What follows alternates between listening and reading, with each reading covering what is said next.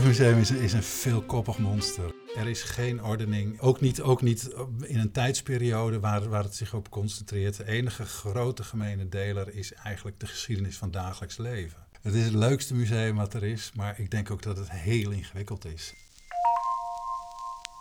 Laat zien dat door je meer in de ander te verdiepen en te beseffen dat je een toekomst altijd samen moet maken, word je, daar word je uiteindelijk zelf ook gelukkiger en blijer van. Ik heb af en toe wat boeddhistische neigingen, dat vind ik heel erg leuk. Dat heeft hier ook mee te maken. We willen altijd het maximum, we willen altijd het beste, we willen altijd het meeste. Maar een echte boeddhist die neemt wat hij nodig heeft van de natuur, maar die geeft ook altijd iets terug. Deze week sprak ik met Teus Eenkoorn, directeur van het Openluchtmuseum in Arnhem. Teus staat met zijn mensen voor de uitdaging om het Openluchtmuseum mee te laten veranderen met de tijd. Dit familiemuseum richt zich op meer dan vijf eeuwen dagelijks leven in Nederland en omvat eigenlijk alles. Maar het is ook een museum zonder veel ordening. Hoe geef je helderheid en samenhang aan een museum wanneer het dagelijks leven een veelomvattende container is waarin alles lijkt te passen? Een indrukwekkend, eerlijk en hoogstpersoonlijk gesprek. Luister naar Teus Eenkhoorn, een nuchtere tukker met boeddhistische neigingen. Goedemorgen Teus. Goedemorgen Arnoud. We leven in een tijd waarin heel veel draait om identiteit. Sterker, je bent directeur van een museum, het Openluchtmuseum in Arnhem, waarin identiteit een hele belangrijke rol speelt. En ik begin daarom met misschien wel de lastigste vraag. Je bent een geboren tukker uit Goor. Hoe Twents ben je eigenlijk? Ik denk dat ik in mijn doen en laten heel erg Twents ben. Ik ben ehm, heel nuchter. Relativeer heel veel. Weet wat ik aan vrienden heb. Laat me, je maakt me de pis niet lauw. Dat is een heel uh, erg Twents gezegde. En uh, je hebt mij niet zo snel op de kast. Mensen zien mij niet zoveel boos. Ik ben eigenlijk nooit boos. Ik ben vrij uh, rustig. Kijk eerst de kat uit de boom. Reageer niet pri primair. Um, ben niet zo'n opgewande Amsterdams of Rotterdams of Haagse standje. Dat, dat klopt. Dus ik, die roots heb ik wel heel, degelijk, heel duidelijk in me. Ja. ja. Is dat handig om die Twentse roots te hebben? In tweede instantie wel. In eerste instantie is dat heel vervelend, want je moet het altijd nog maar bewijzen wat je in je hebt. En dat gaat bij mij niet in drie weken. Daar heb je wat langer voor nodig om te snappen uh, hoe ik opereer. Ik weet nog, mijn eerste, mijn eerste leidinggevende baan, dat was erg leuk, was bij de gemeente Haarlemmermeer. Daar werd ik uh, controller hoofdfinanciën van de bestuursdienst op mijn 29ste. En daar heb ik vijf jaar gezeten. Dirk Kooistra was daar gemeentesecretaris. Daar viel ik recht on, rechtstreeks onder. En op mijn afscheid zei Dirk tegen mij van... Uh, ik had zoveel moeite in, in het begin met jou. Ik dacht, wanneer begint hij nou? Wanneer doet hij nou wat? Hij zegt, maar ik heb van jou iets heel belangrijks geleerd. Die man is dus een jaar of 15, 20 ouder. Soms doe je niks, maar dat doe je heel bewust. Want dan denk je van, uh, dit gaat toch mis, laat me lopen. En dat vond ik een heel mooi compliment na mijn eerste leidinggevende baan. Ik laat gewoon soms dingen misgaan, omdat je denkt, dit gaat toch gewoon mis. Laten we ons concentreren op de dingen die wel goed gaan. Dat is voor mijn omgeving best lastig af en toe, ja. ja. Hebben ze daar hier in Arnhem bij het Openluchtmuseum ook problemen mee gehad? Ik denk dat sommige mensen af en toe wel eens denken van... Uh, waarom is hij zo relaxed? Hij zit gewoon achterover. Hij moet nu toch heel erg bezig. Hij moet nu toch gewoon iets doen. En uh, ja, dat komt wel. Dat komt wel. Maar ik moet eerst het overzicht hebben, ik moet eerst het inzicht hebben, ik moet eerst weten welke kant ik op loop voordat ik iets doe. En dat, dat is wel heel belangrijk. En ja, nou ja, wat ik al zei, dat was eigenlijk je beginvraag van is dat lastig? Ja, dat kan best wel lastig zijn in het begin, omdat je, ja, mensen, mensen hebben iets meer tijd nodig om te snappen wie ik ben en hoe ik werk. Heeft het ook lang geduurd voordat je snapte waar het Openluchtmuseum over gaat? best wel. Het Openluchtmuseum is, is een veelkoppig monster. Dat is echt. Het is het leukste museum wat er is, maar ik denk ook dat het heel ingewikkeld is. Um, toen ik hier binnenkwam, toen, uh, ik moest wel, daar moet ik nu heel erg om lachen, ging ik op zoek naar die ordening. Loop hier eens rond en je komt honderd historische uh, objecten tegen. Van boerderijen tot fabrieken tot weet ik veel wat. En ik denk van wat is nou dus... En op Je hoopte op een chronologie. Ik hoopte op iets waar ik hè, structuur in zag of zo, waar ik iets mee kon, zodat ik het voor mezelf kon begrijpen. En na een tijdje dacht ik, ja, maar die is er niet. Het is meer dan 100 jaar en elke directeur heeft weer iets gedaan. En de eerste directeuren waren vooral bezig met, met het landschap en met, met de boerderijen en met het agrarische leven. En daarna kwamen de directeuren en de een was wat meer op de fabrieken en de ander op de molens en de ander op meer op beleving en de ander wat meer op, op juist verhalen. En nou, dus er is geen, er is geen ordening, ook niet, ook niet in een tijdsperiode waar, waar het zich op concentreert. De enige grote gemene deler is eigenlijk de geschiedenis van dagelijks leven. En dat is alles. En dan komt er een directeur en die wil vooral spulletjes van na 1960 uh, gaan verzamelen. Ja, dat is wel heel kort door de bocht. Dat is eigenlijk wel een, uh, uh, dat is ongeveer fase 3. Fase 1 was, toen ik binnenkwam, was de kanon net opgeleverd. En de kanon heeft hier een enorme verandering teweeggebracht. In welk opzicht? Nou, kijk, kijk de kanon is, is um, ja, kort door de bocht eigenlijk een uh, resultante van een discussie, over het Nationaal Historisch Museum. Uh, die er niet kwam. En in 2011, 2012 heeft mijn voorganger Jan Fase heeft toen een illuster plan naar het ministerie gestuurd van die kanon die in het onderwijs inmiddels al tien jaar gebruikt werd. Zal ik daar eens een mooie tentoonstelling over maken? Plan ingediend. Uh, 10 miljoen van het ministerie, 10 miljoen eigen financiering. Kanon neergezet, vijf, zes jaar heeft dat geduurd. 2017 werd die geopend.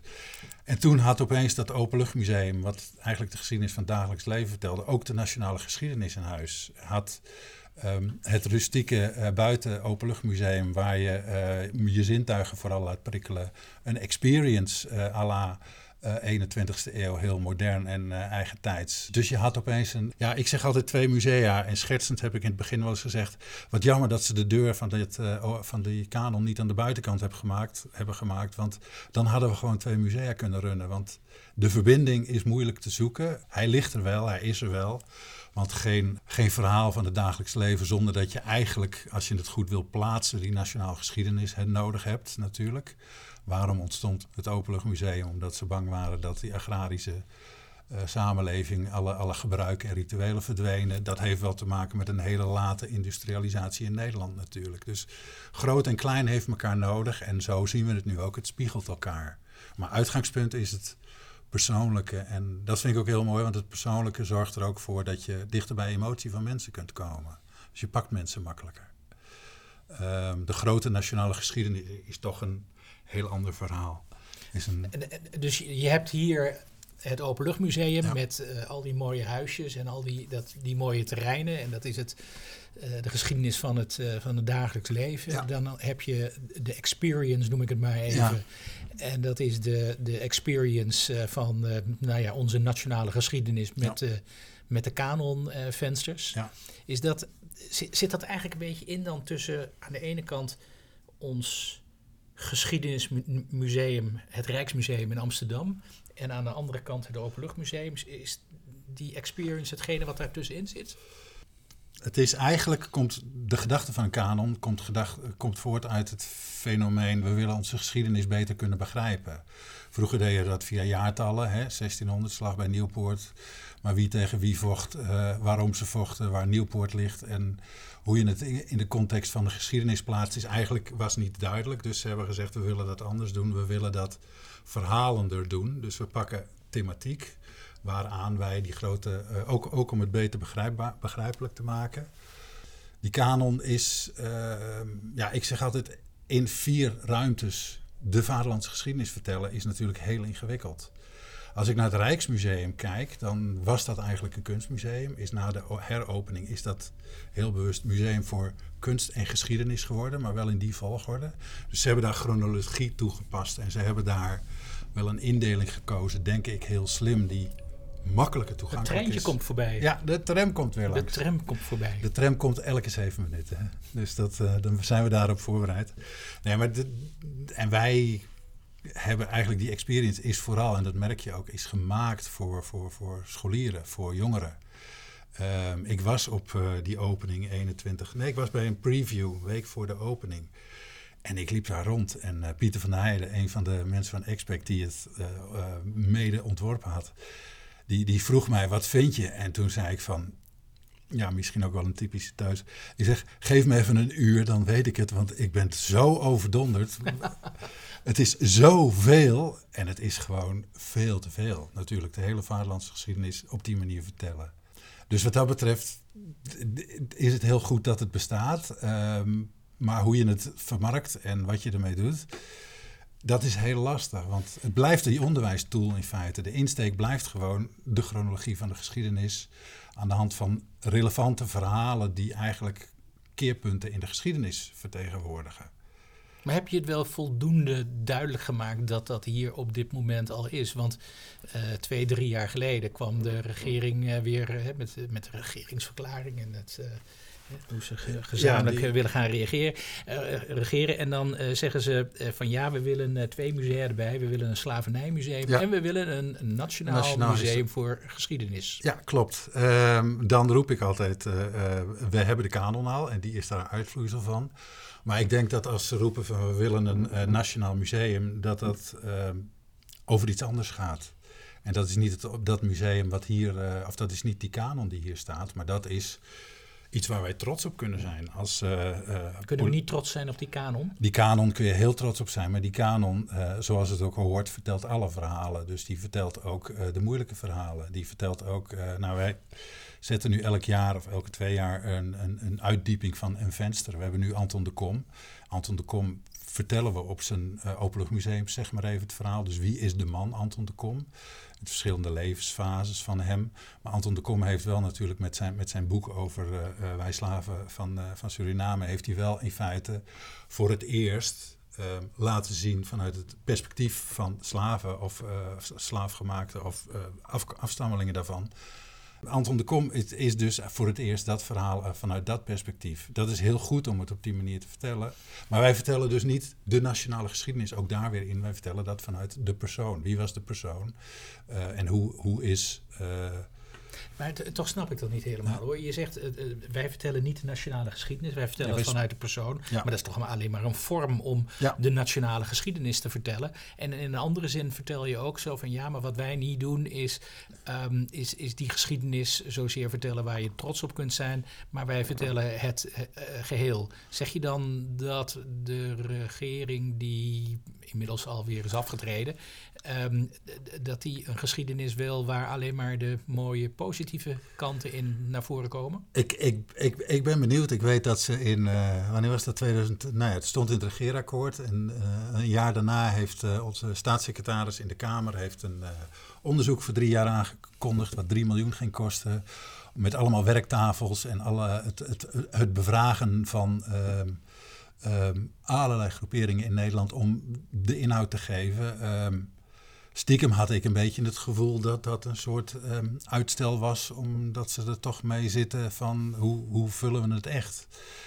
En dat merk je wel vaker, en dat weet jij ook wel, denk ik, als geen ander. Hoe dichter je tegen de politiek aankomt, hoe, hoe zal ik het zeggen, hoe um, meer fluïde de inhoud van iets wordt, omdat er nogal verschillende partijen zijn die allemaal een eigen loopje met iets willen nemen. Ja, en dat merk niet... ik ook met het Nationaal Historisch Museum wel. Ja, ik heb niet de indruk dat de regering daar nou heel erg uh, hard mee bezig is geweest in de afgelopen tijd. Nee, er is één brief geweest, inderdaad. Daar werd die 3 miljoen uh, ter beschikking gesteld om, om dat onderzoek te doen. En daarna is het eigenlijk uh, redelijk oorverdovend stil. Ik heb bij die eerste werktafel gezeten, die was hier. Um, daar riep eigenlijk iedereen van heel leuk, maar laat het nou geen fysiek gebouw zijn. Bouw nou voort op die kanon.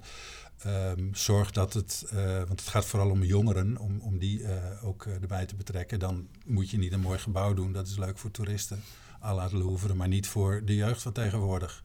Het kost ons dan moeite genoeg om die naar het museum te krijgen, toch? Dus, ja, ja, ja.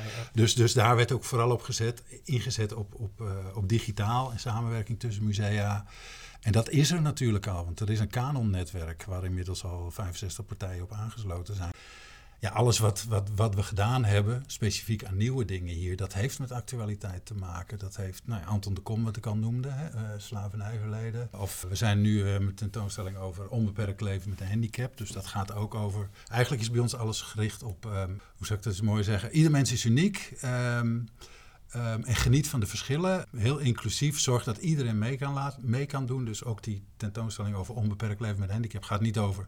oh, wat zijn we zielig? Nee, wat kunnen we wel en hoe leven wij op een andere manier... ook in de maatschappij gewoon ons eigen leven.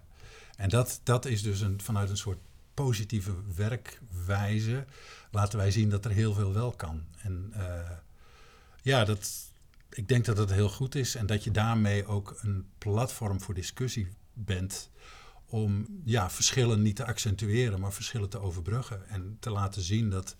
Uh, ik zeg altijd, als iedereen hetzelfde was, dan was de maatschappij heel saai. Dus het is mooi, geniet van verschillen, geniet van, uh, van de imperfectie van anderen.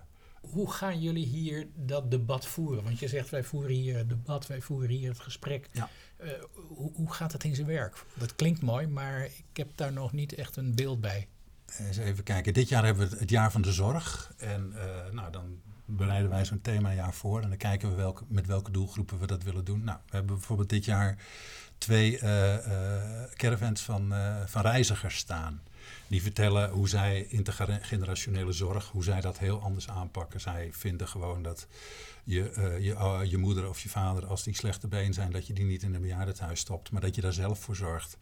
Zij vinden dat uh, kinderen tot vier jaar niet in de crash gestopt moeten worden, maar dat je dat zelf doet. Dus zij laten heel erg zien hoe binnen familieverbanden, hoe, hoe het anders kan. Laat ik het maar gewoon eh, op die manier simpel zeggen. Daar, daarmee doe je twee dingen. Je laat zien dat anders niet beter of slechter is, maar dat het ook anders kan. En dat het niet bedreigend is. En wat er gebeurt is dat wij weer een groepering in Nederland die toch wel um, ja, hier en daar weggezet wordt, laten zien van waarom ze anders zijn, maar dat het ook positieve kanten heeft. En dat doen wij in het klein, maar dat doen we ook in het heel groot. En dat doen we eigenlijk altijd al. Wij hebben nou, de geschiedenis van het Indisch Achtererf, het Turkenpension uit de jaren 60, hoe de eerste generatie Turken hier leefde. Het, uh, het verhaal van de Molukse, van de Molukse mensen. Wij hebben dus ja, altijd, altijd als, als je kijkt naar ja. het Openluchtmuseum, ja. dan zie je eigenlijk een veelheid aan uh, verhalen. Ja. Maar is nou niet hetgene waar wij op dit moment juist het meeste behoefte aan hebben, is ook samenhang in die verhalen. Richting geven aan het geheel. Dit, dit, dit, geef jij nog wel richting aan het geheel? Want het wordt zo gefragmenteerd. Ja, dit is, dit is precies het grote dilemma waar we nu in zitten. Um, het is heel, heel grappig dat je dat aanroert. Wij gaan van 1500 tot nu. Wij gaan, het dagelijks leven is een, is een container waar je alles in kunt aanroeren. Moeten wij heel gestructureerd ook aan de, want de eerste migratiegolf, hè, de Italianen, daar hebben wij nu Venetia, uh, maar ook het verhaal van de familie die tussen de twee wereldoorlogen hier naartoe kwamen. Maar de tweede generatie, ja, we hebben wel een Turkenpension, maar we zijn niet integraal bezig, actief om dat soort zaken uh, hier uh, aan de orde te stellen. We doen dat fragmentarisch. Dat is op dit moment inderdaad, een, een, een, zijn we met een soort heroriëntatie bezig. Omdat we heel veel kansen hebben. Dan heb ik het dan niet alleen over de sociale cohesie, waar ik het nu over heb.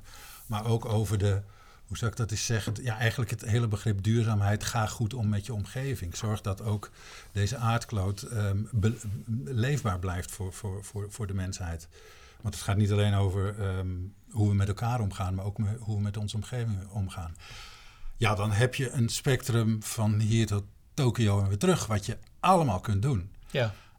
Hapsnap gebeurt dat en gebeurde dat, maar hoe bepaal je daar de prioriteiten in en welke kant wil je dan echt op? Dat is nu op dit moment een discussie die we intern hebben. Ook naar aanleiding van een visitatierapport die, die dat ook wel constateert.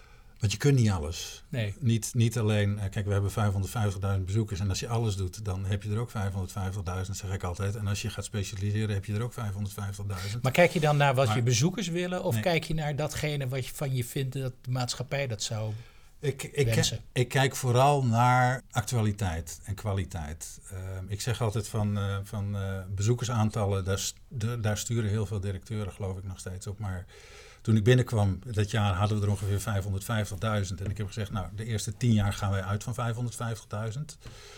En de verbetering zit hem dus niet in, in, in, in meer van hetzelfde, maar juist in specifieke actuele onderwerpen oppakken. Alleen, nou, dat hebben we nu vier, vijf jaar gedaan. Maar dat, zijn, dat blijven snippers. Dat gaat ja. over zorg, dat gaat over uh, werken, uh, de doeners en de denkers. Dat gaat over uh, kleur, dat gaat, dat gaat over van alles. En nu zijn we dus inderdaad aan het denken van... moeten we nog wat meer de randjes opzoeken? Of kun je toch een balans houden tussen ja, schurend en breed en samenhangend. En dat, dat is een hele moeilijke. En hoe voeren jullie die discussie? Die voeren we intern. Die voeren we. Nou, we hebben nu bijvoorbeeld. Uh, een paar maanden geleden hadden we een stuk. Uh, intern hebben, zijn we bezig. Dat, dat, dat noemen wij Common Grounds. Hoe gaan wij om met alle communities om ons heen? Is het toeval dat we met uh, Anna Oepoe uit Lunteren werken? Is het toeval dat we et cetera, et cetera? En wat, hoe willen we dan die maatschappelijke relevantie pakken? Nou, dan, dan krijg je dus een hele ingewikkelde discussie. Wat doe je wel, wat doe je niet? En daar zijn we op dit moment mee bezig. En ook met uh, externen die daarbij bij helpen. Even wat anders. Veel podcasts worden tegenwoordig halverwege onderbroken voor reclame van een sponsor. Dat doen we hier niet. Maar misschien is dit wel een goed moment om mijn nieuwe boek Echt, het waarachtige museum, onder de aandacht te brengen. Het waarachtige museum is een plek waar we de tegenstellingen niet uit de weg gaan, maar waar we ook niet onnodig polariseren. Want waar je ook kijkt en luistert, het rommelt. Systemen die ons jarenlang voorspoed brachten, piepen en kraken. Te midden van een groeiend gevoel van onbehagen neemt de maatschappelijke betrokkenheid toe. Klimaatactivisten bezetten de A12 en plakken zich vast aan schilderijlijsten. Maxime Februari publiceert een essay waarin hij er tegen waarschuwt mensen te reduceren tot datapunten in algoritmen. Politici zeggen dat er meer is dan een markt van zelfzuchtige individuen. Er is ook nog een samenleving. En talloze bedrijven zoeken naar manieren om verantwoord te ondernemen. Dit zijn voorbeelden van het opbloeiende engagement dat ook steeds meer musea inspireert. Daarover gaat echt het waarachtige museum. In deze publicatie pleit ik niet voor onvoorwaardelijk activisme van musea, maar voor betrokkenheid, vanuit de wens om oprecht en waarachtig te zijn. Want als er één ding is in deze wereld waar we nu behoefte aan hebben, dan is het wel waarachtigheid. Het waarachtige museum is het museum met ruimte voor twijfel en discussie. Een plek waar geprobeerd wordt de toenemende tegenstellingen te overbruggen in een ambivalente wereld. Als je meer wilt weten, ga dan naar www.odding.nl/echt. Daar kun je het ook bestellen. We zijn er nog niet uit. Je hoort ook mijn, mijn hele ingewikkeld. Want ik zit nog steeds op die wip. Ook dat ik denk van. Ehm, kijk, ik, ik zit hier nou vijf en half, zes jaar. En als je binnenloopt, dan vraag ik me af of iemand die 15 jaar geleden binnenliep en nu, of die vooral de overeenkomsten ziet. Van, oh ja, uh, hey, die boerderij uit Beuningen, hey, dat, hey, dat. Want het beeld is voor 80% natuurlijk hetzelfde als 20 jaar geleden. Of dat je toch die accenten legt in die 44 hectare, in die 100 objecten. Of ze dat zien. Dus hoe wil je het publiek trekken naar wat jij belangrijk vindt? Of doe je dat niet? En dat zijn jullie allemaal aan het doen ter voorbereiding op de volgende uh, nota, uh, het, het, het cultuurplan. Ja, activiteitenplan 2528. Ja, ja dat we december 24 moeten afscheiden. Ja. Laten we eens teruggaan naar de jonge Teus. Ja. Wist jij altijd al dat je in de cultuur meer in het bijzonder musea wilde gaan werken? Helemaal niet. Ik heb um, een leven vol toevalligheden. Um, je bent begonnen met rechten studeren in Utrecht. Nou, er zit nog een uh, klein snippertje voor. Ik, ik begon met wiskunde te studeren op mijn achttiende. Omdat ik uh, echt zo'n beta-jongetje was. En na vier maanden, uh, toen ik ontdekte dat een van die tweeling die naast mij zat wereldkampioen kubus draaien was... toen dacht ik van, ik moet hier weg, ik word knettergek. Toen dacht ik, wat ga ik anders doen? Nou, toen ben ik rechten gaan doen. En niet om iemand te beledigen, maar omdat het een veredelde HBO-studie is, die denk ik heel veel mensen wel af kunnen ronden. Dat is één, dus ik kon er veel naast doen. En twee, omdat het uh, toch je wereldbeeld heel erg uh, verbreedt. Ik was natuurlijk toch wel een beetje die nerd uit Twente. Die, uh, naar je wereldbeeld verbreedt? Ja. Leg dat eens uit. Nou ja, je leert, je leert ehm, voor mij, ik heb daar heel veel geleerd. Ik heb daar leren nadenken. Ik heb daar geleerd van aanleiding, inleiding, betoog, conclusie. Gewoon dat soort systematieken, heel simpel. Of hoe ga ik een gesprek in? Je hebt, zit in een gesprek, zit je op de inhoud te praten. Of je praat over de ordening. Of je praat meer relationeel. Um, dus ik heb daar heel veel dingen. Ik heb daar rechtsmethodologie, rechtsfilosofie, dat soort vakken heb ik, heb ik vrij veel gedaan. Plus ik um, kreeg toen op een gegeven moment een uh, vriendin die studeerde kunstgeschiedenis. Over het toeval gesproken. En die zat in, de, in het afstudeerjaar waar uh, de latere uh, directeur van de Rijksacademie tussen zat. De latere directeur van het uh, Prins Bernhard Cultuurfonds en uh, de latere directeur 15 jaar van, het, uh, van de Prix de Rome. Dat waren vriendinnen van haar uit, uit haar jaar. En, Ze hebben jou besmet. Ja, en ik, ik kwam toen twee mensen tegen die muzikant en danseres waren. twee, een broer en zus. Willem Wander en Marjolein van Nieuwkerk. En die, daar ging ik, ik dacht van ik ga eens een belichtingscursus doen. Dus ik ben gaan belichten en ik heb de belichting en wat zakelijke leiding gedaan. En daardoor heb ik altijd zeg maar in mijn, in mijn, in mijn hobbyisme de cultuur gehad. En doordat ik met rechten klaar was, ja, dienstweigerde natuurlijk als, als overtuigd pacifist. Ja, heb ik heel makkelijk mijn geld kunnen verdienen met mijn, met mijn rechtenstudie en met mijn beta-structuur in mijn kop. Ja, en vervolgens word je controller in, um, ik weet, was het ook weer, de gemeente Haarlemmermeer. Ja, ik ging eerst, eerst ging ik bij de GGD werken, daar deed ik mijn vervangende dienstplicht, bleef ik vijf jaar hangen. Hele leuke tijd. Uh, daarna werd ik, uh, toen dacht ik, wat wil ik nu? Toen was ik 8, 29. Toen dacht ik, ik wil nu gaan leiding geven, want volgens mij lijkt me dat leuk. Nou, toen kwam ik bij de gemeente Haarlemmermeer, heb ik vijf jaar leiding gegeven. Was ik ook, weet je wel, secretaris van de commissie Financiën en zo, van de raad en zo. Dus daar leer je het functioneren. En controle, maar controle, dat is ook een heel beroep op zichzelf. Daar moet je toch voor leren? Ja, maar ik heb, ik heb in mijn hele leven heb ik, heb ik op slinkse wijze posities bekleed waarvan ik heel snel, en dat is, dat is wel denk ik een van mijn grote kwaliteiten, goede mensen om me heen verzamelde die het echte werk deden, waardoor ik uh, het vergezicht en uh, de lijnen kon blijven uitzitten. Ook daar heb ik twee jongens binnen, of een jongen en een, en een, en een meisje binnengehaald die echt specialisten waren. Eentje van een accountantskantoor overgenomen, zodat ik me kon positioneren in die organisatie. En dat is, als je de rode lijn ziet, heb ik altijd ja, tussen het specialisme en het generalisme ingezeten. Voor specialisten ben ik altijd de generalist en voor generalisten ben ik altijd de specialist. Heel gek. Ja, maar je moet toch wel echt wel wat weten om de mensen die jij leiding geeft, uh, om om, om die op een goede manier leiding te kunnen geven. Je moet echt wel weten waar het over gaat. Ja, maar dat weet ik ook meestal wel, doordat ik uh, vrij snel het overzicht wel kan creëren. Geef mij altijd even de tijd om te zien waar ik ben. En uh, als ik dat door heb, dan zie ik meestal, dan kan ik verder kijken dan de meesten. Uh, omdat ik um, ja, een aantal mechanismen in mijn functioneren heb, waardoor ik, waardoor ik grote lijnen vrij snel kan, kan benoemen. En, maar wat betekent dat nou in de praktijk? Hè? Je bent in, um, in de gemeente Haarlemmermeer. Ja. En uh, daar ben je hoofdfinanciën, controller. Ja. Wat voor grote lijnen moet je daar zien? Wat voor grote lijnen moet je daar zien? Nou, wat ik daar. Het, het was een groeigemeente. Wethouder Financiën was uh, iemand op een boerderij uh, net boven, buiten Hoofddorp. 62, 16 jaar VVD in de raad gezeten. En als erebaantje kreeg hij daarna nog vier, vier jaar wethouderschap. Dat is echt, zo gaat dat in een uh, kleine tot middelgrote groeigemeenten vaak. En wat ik daar zag was gewoon de mechanismen uh, rond de stuipen van de groeigemeente bijvoorbeeld. Ik heb daar heel erg inzicht gekregen in. Uh, toen ik begon was, was de gemeente had 1600 ambtenaren, toen ik wegging 700. Dat is net de discussie waarin heel veel uitbesteed werd bij gemeentes. Dus ik heb de, de Meersen, heb ik, dat was een Schouwburg, die was eerst uh, van, van de gemeente en die werd daarna zelfstandig stichting, muziekschool. Altijd heel veel van dat soort maatschappelijk middenveldfuncties uitbesteden. Dat waren de projecten waar ik mijn hele leven, daar sprong ik op. Omdat ik het overzicht had en dacht van dat is leuk. Dus vanuit mijn je probeert de dingen mogelijk te maken. Ja, ja, ja, dus je bent controller, je bent hoofdfinanciën. Ja, maar en je stapt, en, en, je het werk is uitbesteed en dan ga jij zitten nadenken van wat heeft deze gemeente nodig en wat kan ik met mijn financiële kennis daaraan bijdragen. Wat kan ik met mijn brede blik, maar dat is wel heel belangrijk. Ik ben dus niet iemand dan die in de OR gaat zitten en dan commentaar levert. Ik, ben, ik heb altijd aan de opbouwende kant gezeten.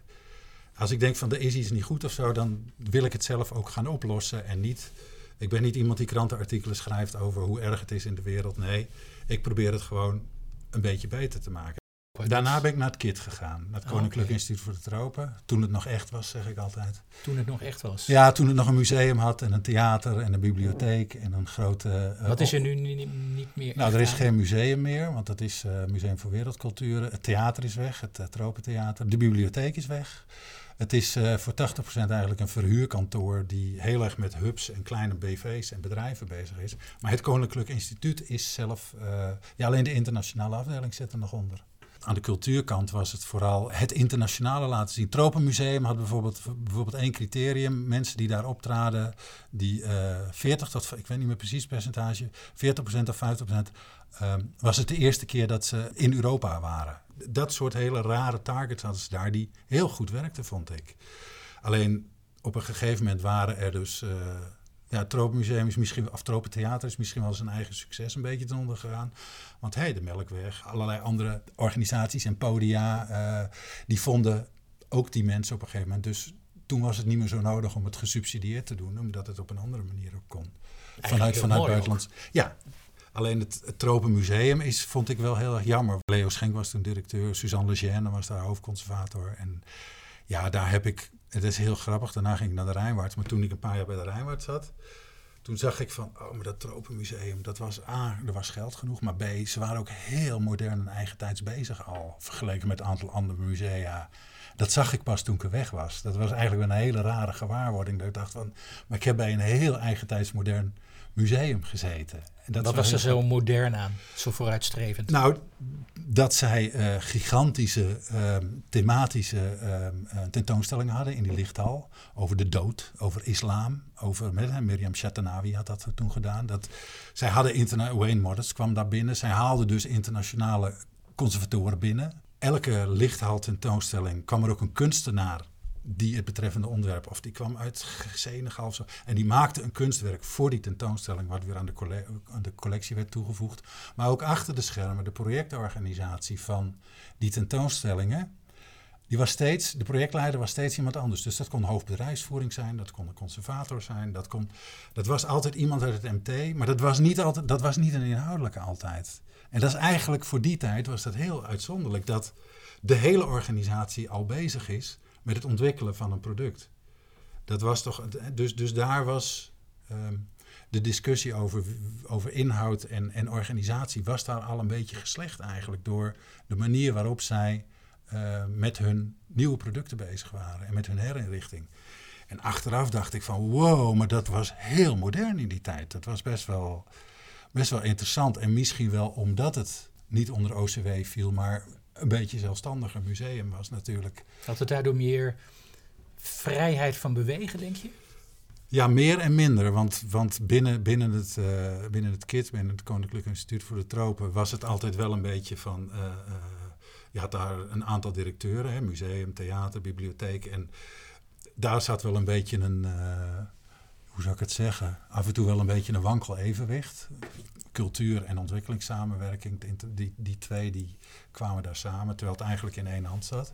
Het grote voordeel was wel dat je veel minder uh, regelgeving had. Dus, dus je had eigenlijk, uh, ik meen dat dat toen 20 miljoen euro was, wat de subsidie was. En eigenlijk bepaalde het kit zelf van zoveel is voor het museum, zoveel is voor het theater, zoveel is voor de bibliotheek.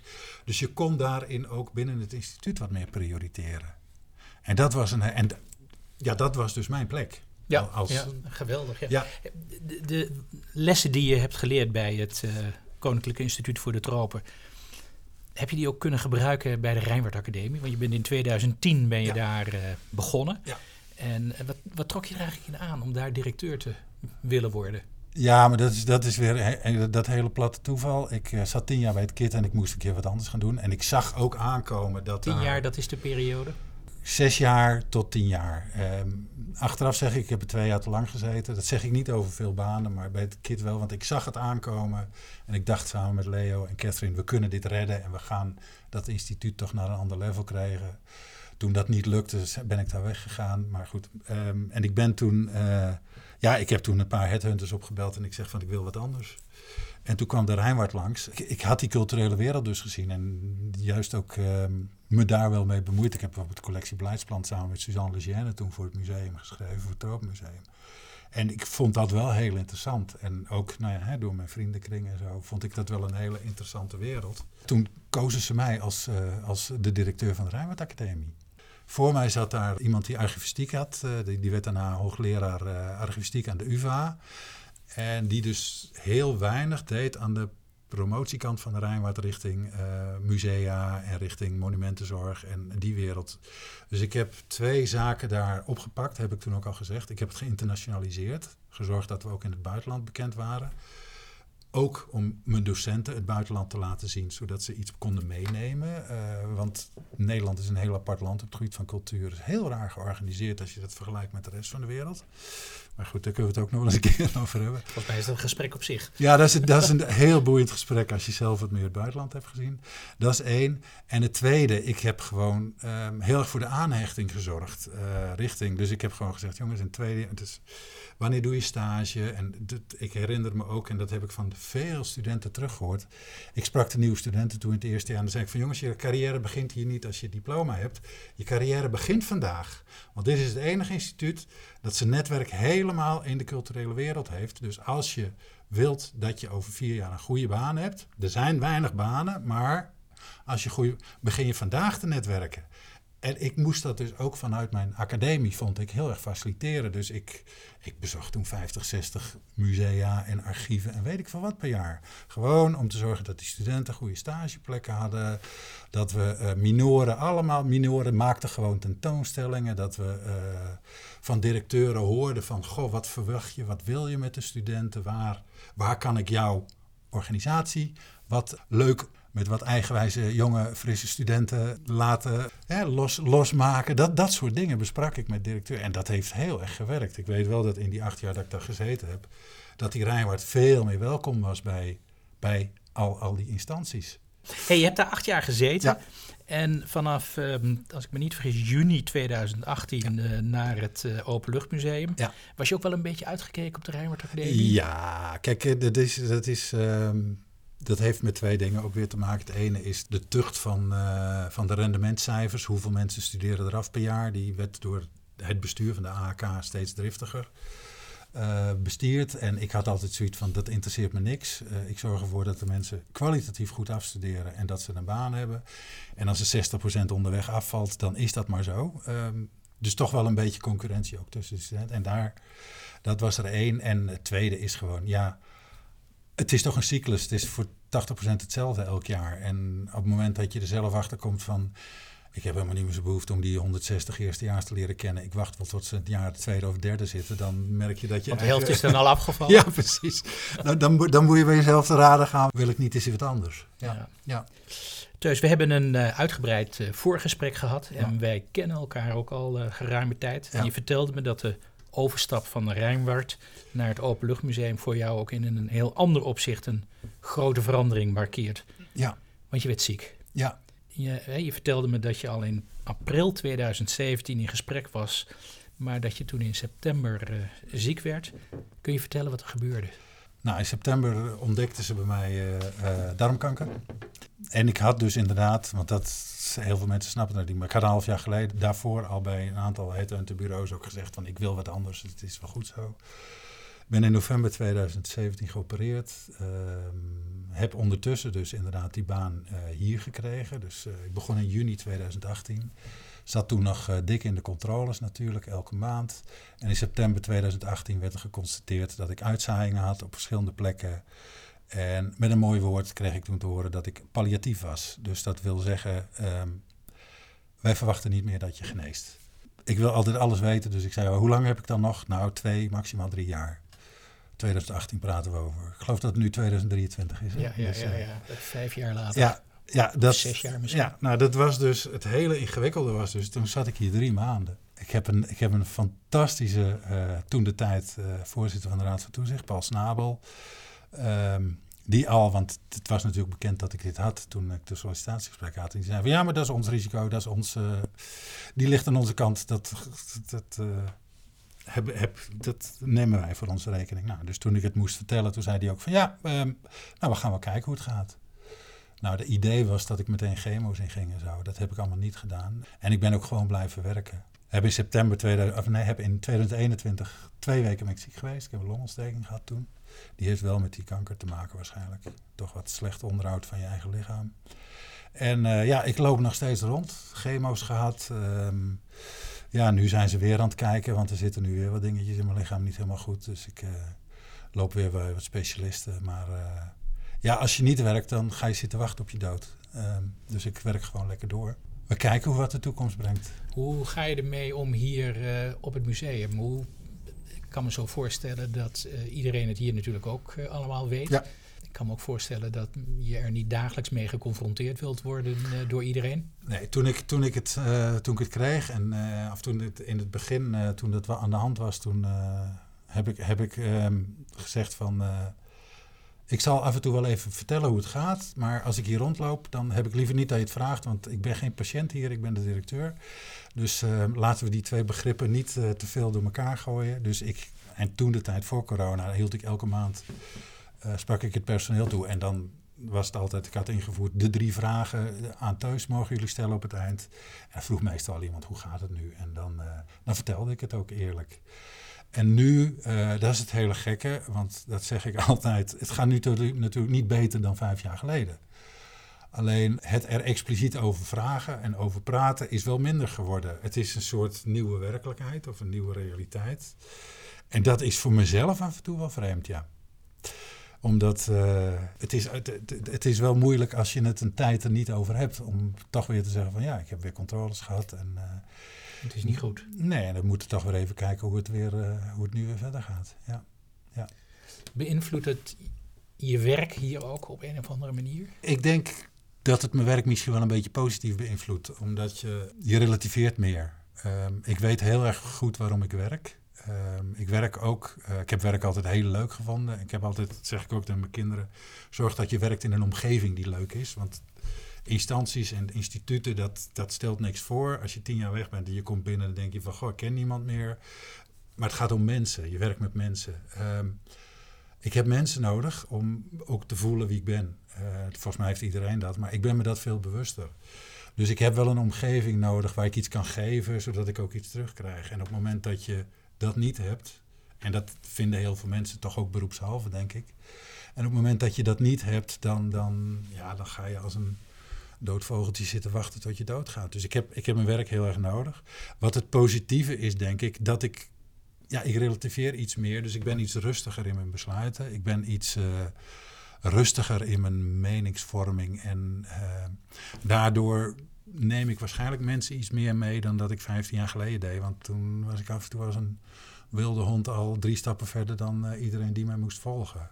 Dus de rust zorgt er ook voor dat ik is dat ook de reden waarom je nu aan het nadenken bent over de toekomst van het Openluchtmuseum, waarbij je zegt van, ik weet eigenlijk nog niet precies waar die discussie toe gaat leiden. Of wij die, ik noem het maar even, die gefragmenteerde ja, of je eh, alles blijft blijven volgen, dat we alles blijven doen, of dat we uiteindelijk toch meer een soort van focus gaan kiezen. Ja.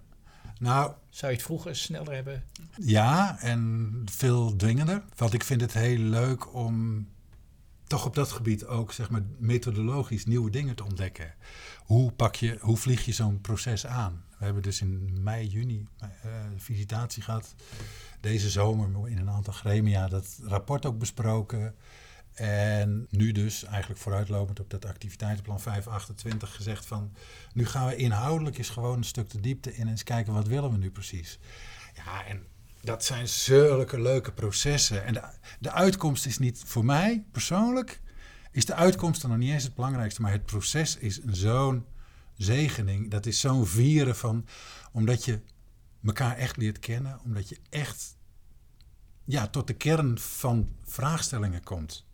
En dat vind ik heel mooi aan dit soort processen. Ik ben wat dat betreft. Uh, maar, maar, je hebt het ook over methodologisch. Wat, wat, wat is er methodologisch anders? Je opereert op verschillende gremia. Ik heb een raad van toezicht waar ik iets mee moet. Ik heb een organisatie waar ik iets mee, mee moet. Ik heb een ministerie waar ik iets mee moet.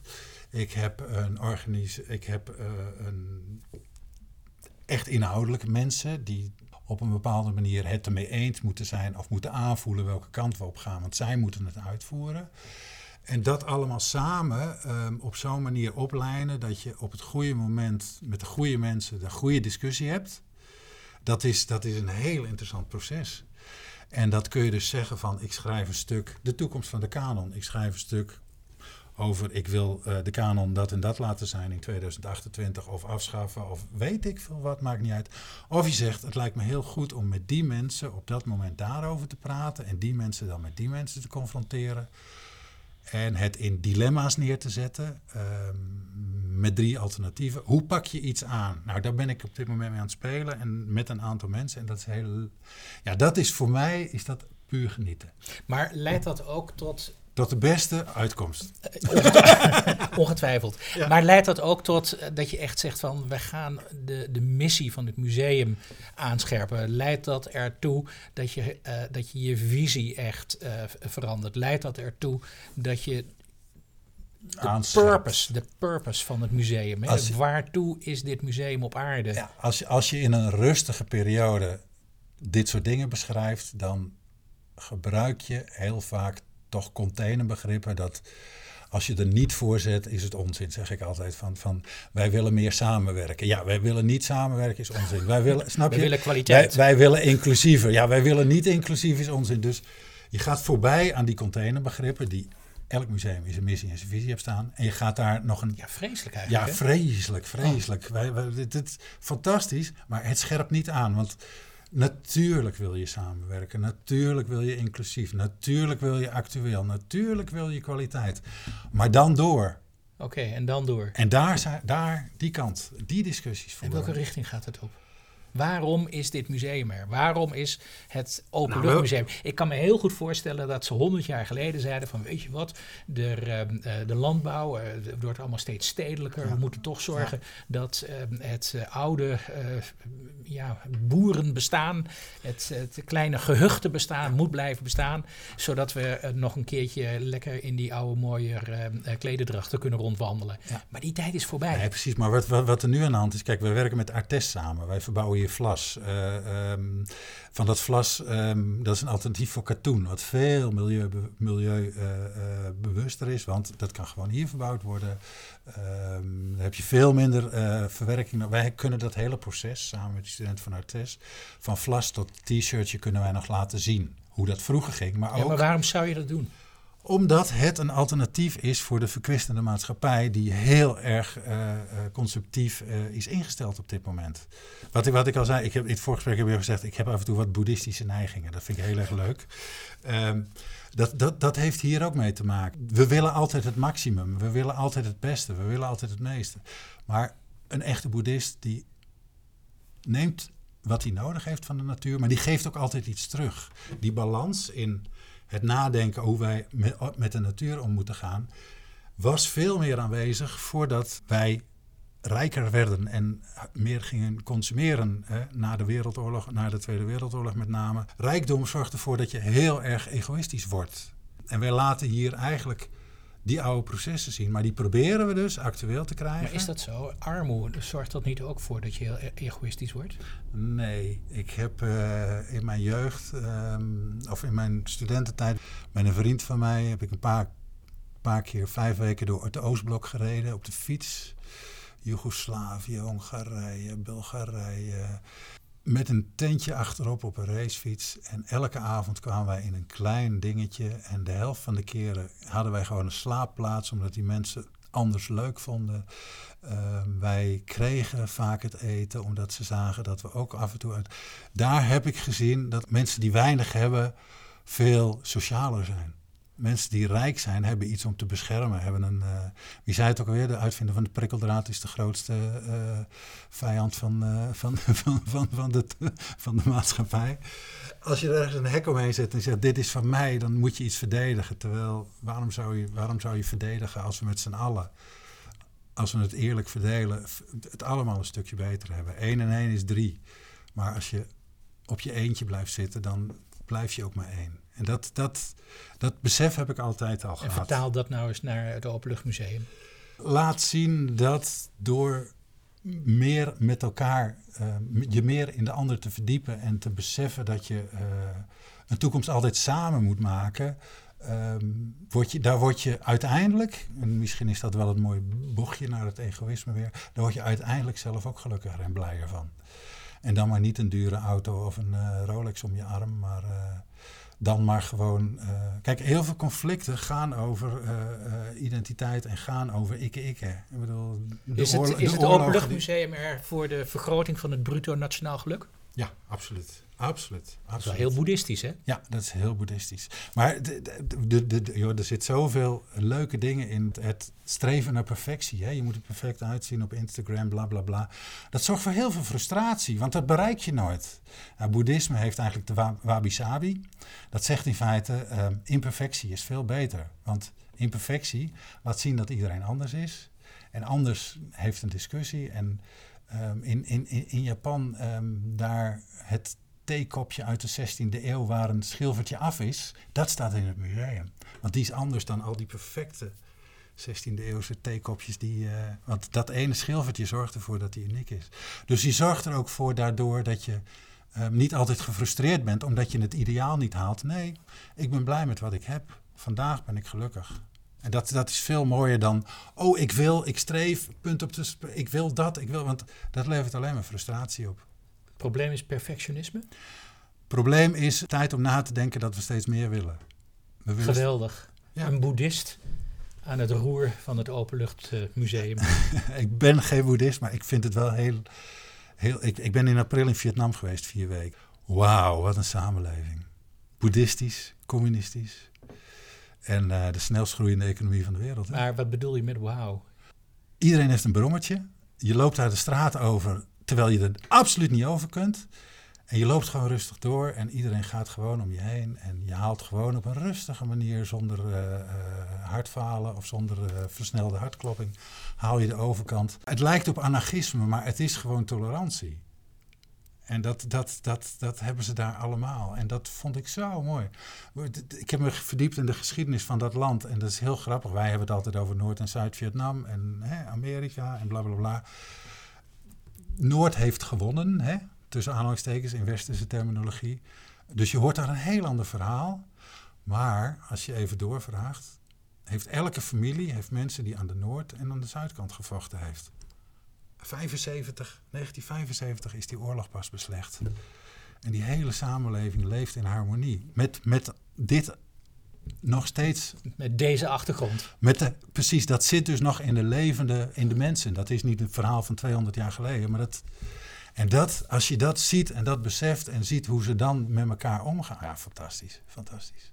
En dat heeft dat boeddhisme wel mee te maken, ja. Oké. Tolerantie. ja. Ik hoop dat het zijn invloed zal hebben op de identiteit hier in eh, Nederland. Ja. Dankjewel Teus. Dit was aflevering 17 van de Museoloog. Tot over twee weken. Música